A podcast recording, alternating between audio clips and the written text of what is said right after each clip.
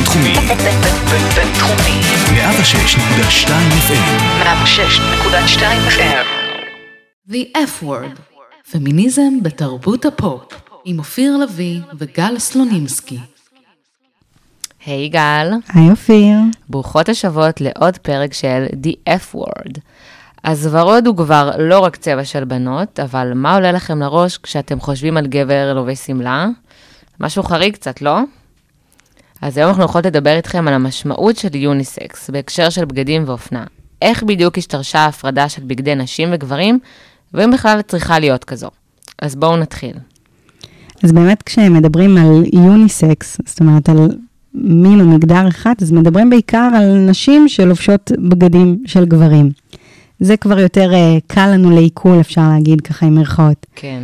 אבל מה קורה עם גברים שלובשים בגדי נשים? אז אולי אנחנו קצת פחות מרגישים עם זה בנוח. Uh, פה יש לנו איזושהי בעיה, אבל על זה אנחנו הולכות לדבר. אז בואי באמת נבין איפה זה בכלל התחיל ומה המקור של זה. Um, הרבה אלמנטים שאנחנו מכירים היום מהמלתחה הנשית או הגברית היו פעם הפוכים, היו אחרת. ההפרדה הזאת של מה נחשב בגד של בנים ומה נחשב בגד של בנות, הוא בעצם מגיע ממקום מאוד פרקטי, הוא קצת מקדים את זמנו, כל הדיון הזה על מה נחשב בנים ומה בנות ואפליה מגדרית, כל הדברים האלה שעוסק הפודקאסט שלנו. זה לא היה, זה לא היה אישיו כשהתחילו להפריד בין בגדים. אז הרי- אנחנו המצאנו את זה, יופי. אנחנו, כן, ממש ככה. זאת אומרת, באמת היה חוסר שוויון, אבל זה לא היה במודעות. הייתה מחשבה של גברים יוצאים לעבוד, נשים נשארות בבית, הן לא צריכות בגדים נוחים, גברים כן צריכים בגדים נוחים. אז לפחות הבינו שאנחנו צריכות בגדים, זה כבר אה, כבר הישג. כן, זה, זה השתנה פחות או יותר מאז אדם וחווה. אבל אה, שם בעצם התחילה ההבנה שצריכים בגדים שונים למי שיוצא לעבוד, שפשוט ההיסטוריה היא כזאת שגברים הם אלה שיוצאים לעבוד, לעומת נשים. אבל אם אנחנו הולכים ככה באמת טיפה אחורה, אנחנו מגלים שכמו שאמרתי בהתחלה, לפעמים זה בכלל, היה איזשהו שלב בהיסטוריה שזה בכלל היה ההפך. אה, במאות 16 עד 19 אפשר לומר, היו הרבה גברים שלבשו שמלות או חציות, אפשר לראות הרבה אצילים כאלה, בעיקר בצרפת ובריטניה. כן, וגרביונים, ממש כל ה... נכון, כל הלוק. נכון, היה להם גם תיקים, תיקי קלאץ' כאלה, שהיום אה, מתחברים לנו כזה לאיזה יציאה למועדון, אז שם הם פשוט שמרו את המטבעות שלהם, כי נשים בטח לא התעסקו עם כסף. אז, אה, אז בעצם כל מיני אלמנטים שאנחנו מכירים היום מהמלתחה הנשית, היו פעם לגמרי לגמרי גבריים. והדברים באמת התחילו להשתנות בשלב קצת יותר מאוחר. אה, מה שעוד ככה רציתי לספר נחמד זה ש... אם אמרתי שההפרדה הזאת הייתה איזשהו עניין פרקטי, אז כשזה הגיע לנשים, ככל שהיה להם בגדים פחות פרקטיים ופחות נוחים, זה היה סימן טוב עבור הגבר, עבור הבעל. כי אם אשתך לובשת שמלה ענקית ומלא שכבות ומכוך והיא לא יכולה לזוז, זה סימן טוב, זה סימן שיש לה הרבה משרתים, זה סימן שהיא לא עובדת, זה סימן שאתה עשיר. אז כן, ככה זה. זה מזכיר לי קצת את, ה, את המנהג הסיני של הכפות רגליים שהן קושרות אותן, נכון. זה בדיוק אותו דבר. את יכולה להגביל את התנועה, כי את אישה עשירה, את לא צריכה לעבוד. אם את ענייה, את יכולה לך רגליים אה, גדולות. אז פה זה בבגדים, פה זה בגוף, אבל הרעיון ככה באמת מזכיר, ו, וכמו שפתחנו, אז, אז הזכרתי זה שהצבע הוורוד הוא היום גם של בנים, זה לא רק אה, צבע של בנות, אבל מעניין לגלות שזה היה פעם לגמרי ההפך.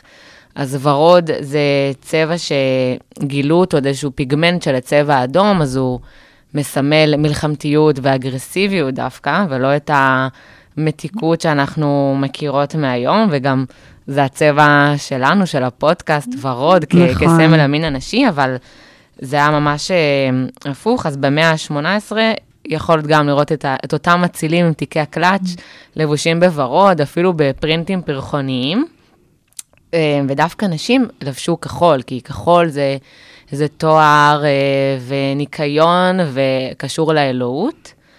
וההיפוך המשמעותי הראשון היה במאה ה-19, כשהאופנה התעשייתית באירופה הפכה כבר ליותר סולידית, פחות מצועצעת, והגברים עברו לחליפות בצבעים יותר קהים ו- ורשמיים, אז עוד פעם, הגבר שיוצא החוצה למרחב כן. הציבורי, זה ככה קובע את הטון של, ה, של הבגדים, ודווקא הגוונים הבהירים יותר שווקו לנשים. אני מניחה שזה בגלל, אוקיי, אם הגברים לובשים כה, אז קחו אתן את, ה, את הבהיר. אני גם שוב חושבת שזה מהעניין הזה של מי יוצא לעבוד ומי לא יוצא לעבוד, כי כשאתה יוצא החוצה ואתה אולי מתלכלך בדיוק. כאלה, חשוב לזכור דברים שהיום בשבילנו הם מובן מאליו, אבל אז הם לא היו. כל הנושא של היגיינה, הם לא חיפשו את הבגדים שלהם בכל יום, הם גם לא חיפשו אותם בהכרח בכל שבוע. לפעמים כן. יכול היה לעבור חודש עד שהם שוטפים את הבגדים שלהם. אז הם גברים הם אלה שיוצאים החוצה ורוכבים על סוסים ומסתובבים בחוץ ומתלכלכים, אז עדיף שיהיה להם בגדים כהים. לעומת האנשים שגם ככה לא יוצאות החוצה ולא מתלכלכות, ושוב, הם לא כל כך חיפשו בגדים בתקופה ההיא. נכון, אז יש גם עוד השערה שהשימוש אה, בצבע הכחול היה יותר זול, והוא גם מתאים למדי המלאכים ולתלבושות האחידות בפנימיות. אז ככה, אם זה יותר זול, יש הרבה גברים, אז ככה גם משהו שהשתלט על זה, ואז התקבע שכחול זה צבע של בנים, וכבר מהיום אנחנו רואות את זה בכל מיני מסיבות, בבייבי שאוור, נכון. שאם אה, יוצאים בלונים אה, כחולים או סוכריות ורודות מהעוגה, אז אנחנו כבר יודעים את, ה, את המין אז של המין של התינוק. העובר הוא כן, הוא בן וורוד להפך. כן, אז במאה ה-20 הצבע הוורוד כבר עבר לבנות באופן כמעט מלא, והוא יצר את ההסללה המגדרית, הסטריאוטיפית, שאנחנו מכירות אה, לא רק בבגדים, גם במיתוג מוצרים לתינוקות, שזה כמעט ב- בכל נכון. דבר, אפילו באיזה צבע החדר יהיה, אם זה ורוד, ברור שזה לתינוקת, כחול לתינוק, וגם בצעצועים. נכון, וזה נגיד משהו ש... אם אמרנו שהיום זה כבר יותר אה, לגיטימי עבור בנים ללבוש ורוד, כשזה מגיע לתינוקות זה עדיין לא נשבר, הסטיגמה הזאת או הסטריאוטיפ הזה. כשזה מגיע לתינוקות, עדיין כחול חדרי ילדים לבנים הם כחולים או תכלת, כן. ולבנות הם ורודים, זה עדיין לא נשבר. כן, ואם כבר אה, נתקדם ככה, אז אה, יש את האמרה, אז מי לובש את, ה, את המכנסיים בבית? מה, נכון. את, אה, מה את יכולה ככה לספר על זה? אז באמת הובלת ככה באופן מושלם לכל הרעיון הזה של מכנסיים לנשים. באמת המאה ה-19 הייתה איזושהי נקודה בזמן, בעיקר סוף המאה ה-19, שבה כל השיח משתנה. אם אמרנו שהייתה הפרדה בין נשים לגברים, אבל לא דיברו על זה, אז בסוף המאה ה-19 כבר מתחילים לדבר על זה, נולדת התנועה הפמיניסטית, ונשים בעיקר מתחילות להגיד, רגע, יש פה פער ואולי לא צריך להיות. והדרך שלהם להעביר את זה, שיש פער שלא צריך להיות, זה להתחיל לאמץ בגדים מהמלתחה הגברית. וככה נוצר מצב שהן uh, מתחילות ללבוש מכנסיים. האישה הראשונה בעצם שעושה את זה, דווקא לא עושה את זה, זאת אומרת, לובשת מכנסיים, לא עושה את זה ממקום מאוד מחאתי, קוראים לה אמיליה בלומר, uh, ובשנות ה-50 של המאה ה-19, שלב, אני הולכת קצת כמה שנים, כמה עשורים קודם, היא עיתונאית והיא מפרסמת בעיתון שלה uh, את המכנסיים החדשים שהיא גילתה. אה, לדבר, לדבריה זה איזשהו סגנון לבוש מהמזרח התיכון, ומאסיה היא קוראת לזה מכנסיים טורקיות. זה באמת מכנסיים, אה, כמו שמדמיינו את אלאדין, כאלה מכנסיים. זה בדיוק שם הסגנון שהיא השקפה לובשת. שלי לראש. אז זה בדיוק זה, זה המכנסיים שהיא לובשת, והיא יוצרת סערה, כי פעם ראשונה היא עיתונאית ומפרסמת, אין לה תפוצה מאוד מאוד גדולה לעיתון שלה, חייבים להודות, בכל זאת זו אישה שכותבת עיתון, זה משהו די אה, לא... זה די מחאתי, זה משהו שדי לא קורה באותם שנים, אז אין לה איזה תפוצה מאוד רחבה, אבל העיתון הזה ספציפי, הגיליון הזה, מצליח לעורר סערה, כי פעם ראשונה שרואים מראה שלא היינו רגילים לראות, אישה נמצאת במרחב הציבורי, או בכלל, עם מכנסיים. וזה היה באמת, אחרי שהסערה שכחה ונרגעה, פתאום נשים התחילו להבין שזה בסדר ללבוש מכנסיים. אז בהתחלה הם אימצו את זה באמת בשביל פעולות פרקטיות כאלה, כמו ספורט, כמו רכיבה על סוסים או אופניים שבדיוק הומצאו. אה, ובסוף המאה ה-19 זה כבר הופך להיות שימוש מחאתי עם הלידה של אה, התנועה הפמיניסטית. בשנות ה-40 של המאה ה-20, כולנו יודעים מה היה באותה תקופה, זו מלחמת העולם השנייה. נשים יוצאות לעבוד במקום הגברים שגויסו למלחמה, נשים יוצאות למפעלים, ושוב, אם דיברנו על המכנסיים כפריט פרקטי, אז הן באמת לובשות את זה לא כמחאה כמו שהיה בסוף המאה ה-19, אלא באמת זה פשוט יותר נוח. בדיוק, את יוצאת לעבודה, את יוצאת למפעל, את הולכת, אה, אה, הם היו עושים, עושות כל מיני עבודות כמו אה, תיקון מטוסים כן, צריך ואריזה. להתכופף כל היום. אי אפשר בחצאית כן. ומכנסיים, אי אפשר בחצאית בשמלה, חייבים מכנסיים. אז, אה, אז זה מה שקורה. ו, ופתאום באמת מתחילים לייצר גם, אם עד עכשיו זה היה קצת יותר נדיר, אז פתאום יש תפוצה הרבה יותר רחבה של ייצור מכנסיים לנשים. ומה שקורה בסוף המלחמה, זה שנות ה-50 של המאה ה-20, זה בעצם רגרסיה.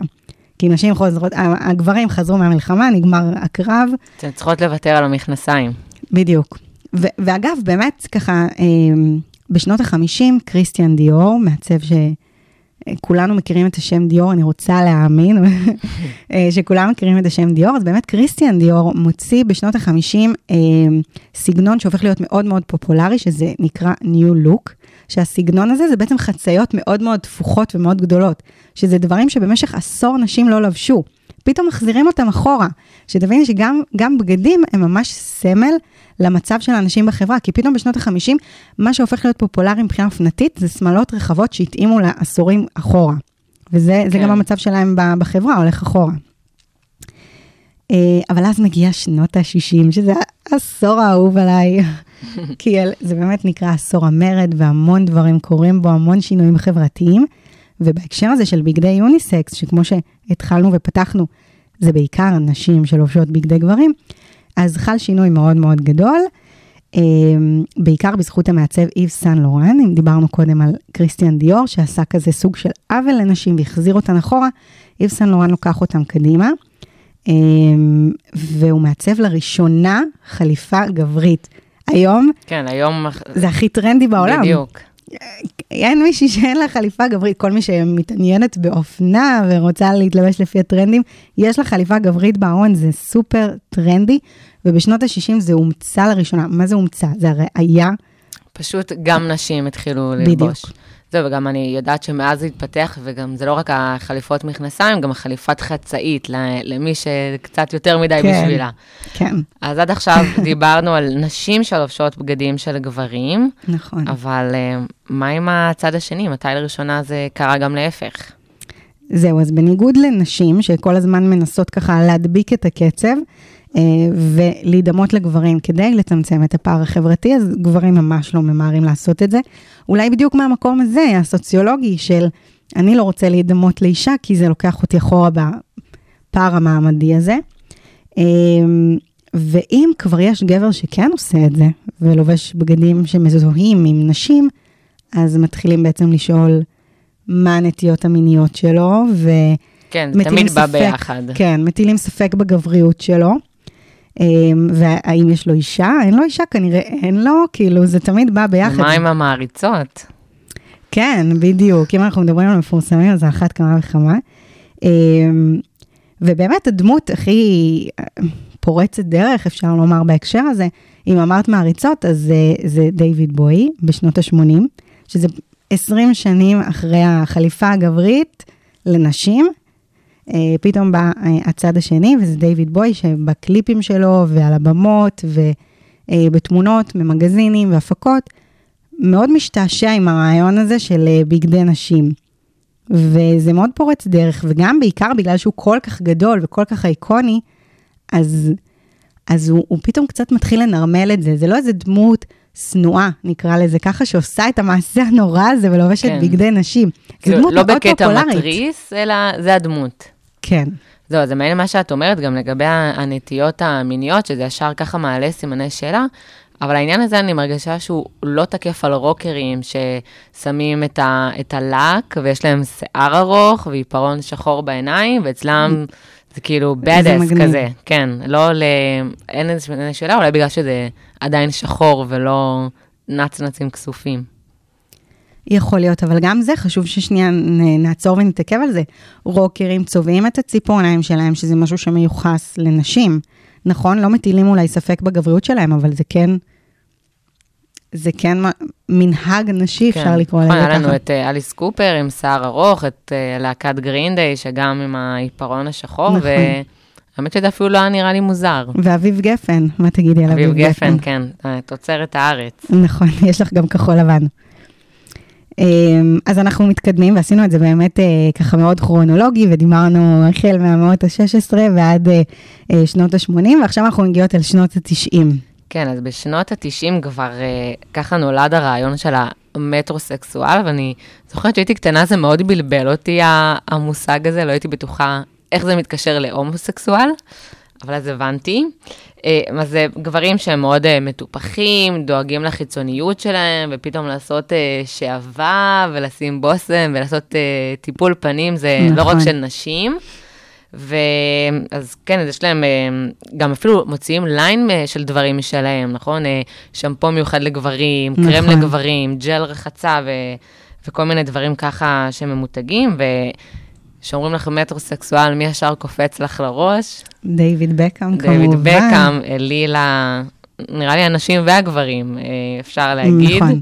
אגב, זה באמת שלב בהיסטוריה, אם אנחנו מדברות ככה על שנות ה-90, זה שלב בהיסטוריה שמתחילה לראשונה החפצה גברית. כי עד אז את מסתכלת על אישה והיא אה, החפצה מטורפת, נשים נמצאות על אה, לוח שנה ובמוסכים. זהו, אז אני מודה, גם לי היו פוסטרים מראש אחד של גברים, וזה היה תלוי אצלי בחדר. בדיוק, כי זה באמת השלב שפתאום מתחילים להתייחס אל גברים, גם ב... כאובייקט. אה, לא שזה בסדר, כמובן, אני הרבה... כן. אני אומרת את זה הרבה לאורך הפרקים שלנו. זה שמשהו רע נעשה לג... לנשים לא אומר שזה אנחנו בסדר. לא רוצות שזה יקרה גם לגברים. כן, גם לגברים, אז זה לא הפתרון, אבל כן, זה מה שקורה באותו בדיוק. עשור. אז את זוכרת את, אה, את התקופה של הטוניקות והסקיני ג'ינס, שככה שטפו, אני זוכרת, היה TNT, זה היה משהו סקיני וטוניקות. וואו, TNT. זה, זה היה מטורף, ואז גם הגברים רצו, זה כבר לא, לא נשאר רק שלנו, מה שנקרא, בהתחלה גם קיבלו את זה, לא ממש, אני זוכרת שהיה את איתי תורג'מן, שהוא ככה מאוד אהב גם טוניקה וגם סקיני ביחד, ואז עלו סימני שאלה, כן. מהן הנטיות ה- זאת אומרת, עד המיניות שלו. היום, אפשר לומר, לא, לא הצלחנו אה, להשתחרר מהעניין הזה שאם גבר לובש בגדים אה, נש, נשיים, אז אה, מטילים ספק בגבריות שלו, מה שלא קורה כן. להפך, כי אם אישה ת, תבוא עם חליפה אה, גברית, אין פה שאלות. למרות שאני חושבת. שדווקא ב- בתקופה של סטטיק ובן אל, אני חושבת שאצלם לא התעוררה השאלה הזאת, ובן אל הוא לובש בגדים שלא יביישו אירוויזיון, הוא עם הנוצות, כן, ופרוות, נכון. ומחשופים, וורודים, ונצנצים, ו... ומה לא. אז אולי אנחנו כן אה, בסוג של איזושהי פריצת דרך. ויש ככה גם באמת לאחרונה אנשים, אה, גם אה, כוכבים בינלאומיים. נכון, אז באמת אולי אנחנו נמצאות באיזושהי תחילתה של תקופה של שינוי, שאולי בעתיד אנחנו עוד נלמד ונדבר על התקופה הזאת. אה, זו תקופה שבה גברים מתחילים, חשוב לציין, זו רק תחילתה של התקופה, אנחנו עוד לא ב, אה, בעיצומה, עוד לא בהשלמה מלאה שלה, אבל אבל גברים... זה גם משהו. נכון, כל מהפכה מתחילה מצד אחד. אז באמת אנחנו בתחילתה של תקופה שבה גברים לובשים שמלות וזה בסדר.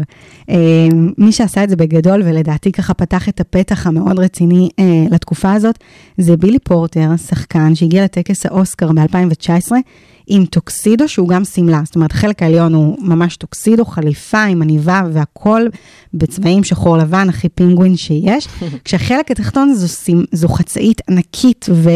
וממש ממש ממש מתרחבת. אה, מי שעשה לו את, ה piece הזה, את השמלה או, או חליפה, או אני אפילו לא כל כך יודעת איך לקרוא לזה, זה כריסטיאן סיריאנו, שזה מעצב, הוא זכה ב...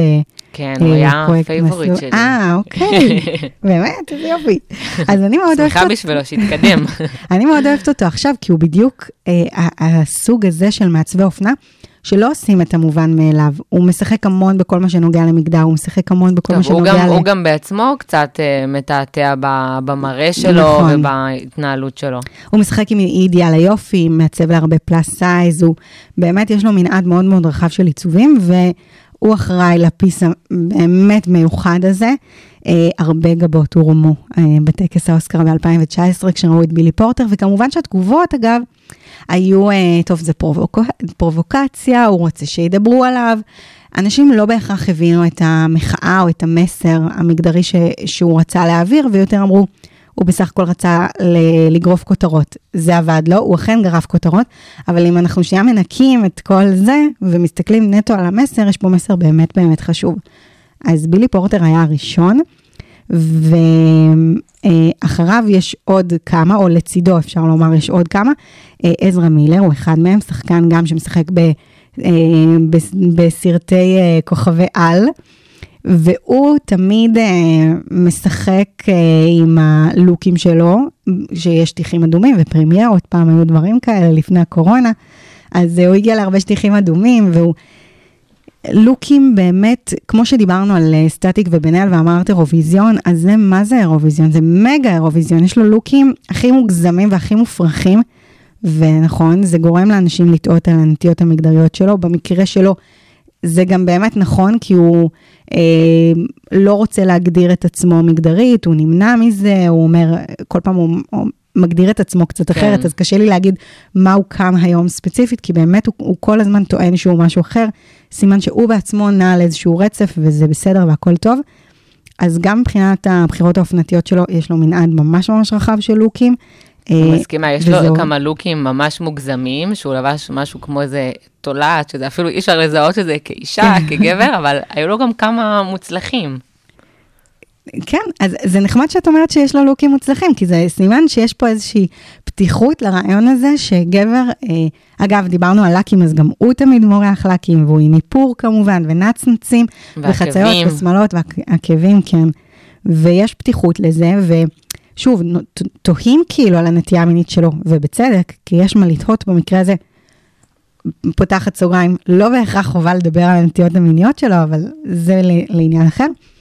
אבל כן יש קבלה ל- ללוקים שלו, וזה כבר פחות ופחות מעורר שיח, ככל שהוא עושה את זה יותר ויותר פעמים. זהו, זה מעניין שאת uh, אומרת את זה, כי רק בשנת 2009, לפני uh, עשור, היה מועמד uh, ב American Idol, אדם למברט, ששם כבר הוא מוכר, הוא הסולן של Queen, והוא באמת היה ה favorite לניצחון גם שלי וגם של כולם, הוא באמת נתן הופעות ברמה אחרת, אבל uh, לפני הגמר התפרסמה ידיעה שהוא... Uh, שהוא drag queen, שיש לו גם uh, מופעים שהוא מעלה ומתחפש לאישה, וזה זה עלה לו ב, בניצחון בתחרות. אמריקה עוד לא. הייתה, היא עוד לא הייתה מוכנה להצביע על הדבר הזה, זאת אומרת, הם אפילו לא ראו את זה, הם רק שמעו, וזה משהו שהוא לא עבר, אז, אז זה כיף לראות שזה כבר משהו שככה יותר. עובר בגרון, והעיקר שאדם בסוף ניצח. נכון. ואגב, עוד מישהו שהוא כוכב על, ובאמת אה, בולט לאחרונה בתחום הזה, זה הארי סטיילס, שהוא אה, הצטלם להפקה של מגזין ווג, שהוא לובש שמלות וחצאיות, והוא אפילו הודה שהוא אוהב בגדי נשים. ובאופן כללי, גם על, על הבמה הוא מאוד אה, נע על איזושהי סקאלה של לבוש, הוא, יש לו שרשרת פנינים שהוא תמיד הולך איתה, שמאוד מזוהה איתו, לקים בציפורניים. והוא גם אה, זמר ככה כן, באמת. אז, אה, אה, לא יוצא- סתם זמר, הוא התחיל בלהקת הבנים, נכון. One Direction, עלילה הבנות, וככה, זה בהחלט אה, מהפך אה, מפתיע. לגמרי. ואם, ואם זה לא מספיק, אז, אז היום גם עוד ככה התקדמות יפה שאנחנו אה, רואות, שיש בכל מיני חנויות, בקולבאים של בגדים, גם מחלקות צעצועים, שהוחלט לוותר על, אה, על הפרדה מגדרית, ובהמשך אפילו חנויות ייכנסו, אם הם יעשו את זה, יקבלו על זה קנס. כן, זאת אומרת, גם בחנויות הם מכווינים ליוניסקס, שהוא יוניסקס אמיתי, שילד, אם הוא רוצה ללבוש שמלה, הוא יוכל למצוא את זה, והוא לא יצטרך לבייש את עצמו, נגיד את זה ככה, במחלקת אה, בנות. טוב, אז, אז מעניין אותי לדעת, אחרי שאנחנו ככה מדברות על זה, שזה כן נכנס לחברה, זה כן יותר עובר בגרון, ואנחנו שמחות, אבל נשאלת השאלה, אה, גבר עם שמלה, היית, אני מניחה שכן היית רוצה לראות מזה, מזה יותר, אנחנו אוהבות, אבל היית יוצאת עם מישהו ש, שמלה, עכשיו אה, נגיד את מגיעה לדייט. והוא עם שמלה. והוא מגיע עם שמלה, אולי אפילו לא לבשתם. אולי לבשתם אותו דבר. וואו, לבשנו אותו דבר, אני כנראה אפסול אותו, כי אני ממש לא רוצה תקרית של סטול מי לוק. אבל... לחלוק אה, איתו ארון, זה דווקא כלכלי. כן, הוא מגיע לשמלה שהיא לא שמלה סקוטית, חשוב לציין, שמלה, שמלה. שמלה. אה, תראי, באמת, זו שאלה חשובה, כי אנחנו מדברות הרבה על איזשהו רעיון חברתי, ובואי נדבר רגע בתכלס, בפרקטיקה, שזה פוגש אותנו ביום-יום. אז התשובה שלי היא שבסופו של דבר זה עניין של נורמליזציה, וברגע שמשהו לא יהיה חריג ויהיה נורמה, אז לא נתבייש בזה יותר, ואם נצליח להטמיע את הרעיון, אז אז לא יהיה בעיה, זה כמו שהיום אין לי שום בעיה עם גבר שלובש סקיני והייתי נשארת איתו, את מבינה? זה ממש לא מפריע לי. סקיני כבר- ורוד, כן, זה סקיני לגמרי. כבר עובד. זה כבר, נור... זה כבר עבר תהליך של נורמליזציה, שמלה עוד לא שם, אבל כשזה יקרה, וככל שנראה את זה יותר, אז כן, אז אני גם אצא עם גבר עם שמלה. הנה, יש פה הצהרה, יש פה כותרת. אנחנו, אנחנו נעקוב. כן, אז, אז זה באמת מעניין, כי נגיד אה, בצבא באמת רואים את זה שכל הבנות רוצות מדי בנים, שזה מכנסיים של, אה, של בנים וחולצה ונעליים, ולי עוד לא יצא לשמוע על גבר שרצה מדי בנות, כן, אבל כן היה לי מישהו בבסיס שרצה סוודר, ו- ואמרו לו לא, ולא נתנו לו. זה רק לבנות. אז אני מקווה שדובר צה"ל מקשיב לנו וישנה את המצב הזה, וישנה את ההפרדה הזו. תנו להם סוודרים, קר להם. נכון, נכון, למה לא בעצם? Uh, תשמעי, אני רוצה ככה להגיד משפט לסיום. בסופו של דבר, חשוב להבין שאופנה היא מייצגת את, uh, את רוח התקופה, את התרבות, את החברה, וטבעי שיהיו בה שינויים. אבל בדיוק כמו שאנחנו כחברה מתקדמת ברעיון הזה של שוויון זכויות לנשים ולגברים, זה צריך לבוא לידי ביטוי גם בלבוש. ונכון, נשים, כמו שאמרנו, יותר הדביקו את הפער לאורך השנים. עכשיו הגיע הזמן לעשות את התיקון מהמקום השני, וכשנגיד יוניסקס, זה לא יהיה אישה לובשת אה, חליפה או ג'ינס וטישרט, אלא גבר עם שמלה, לצורך העניין. כן, טוב, אז, אז היום דיברנו על משמעות המונח יוניסקס בתעשיית האופנה, ולמה גם הוא נגוע בחלוקה מגדרית לא הוגנת כלפי גברים ונשים. אולי בעתיד דברים ישתנו, אבל עד אז בואו נכיר בזה שיש פער באופנת היוניסקס, ואולי אה, נפתח את הראש שלנו לדברים שהם קצת אחרים. בפרק הבא נדבר על אידיאל היופי, אבל מזווית קצת אחרת, הפעם של הגברים, כי לא רק מנשים דורשים לענות על אידיאל יופי מסוים, ואנחנו נתייחס גם לזה. אז תודה שהאזנתם, כל הפרקים מחכים לכם באפליקציות ובאתר הרדיו הבינתחומי, ותודה לך, גל. תודה לך, אופיר.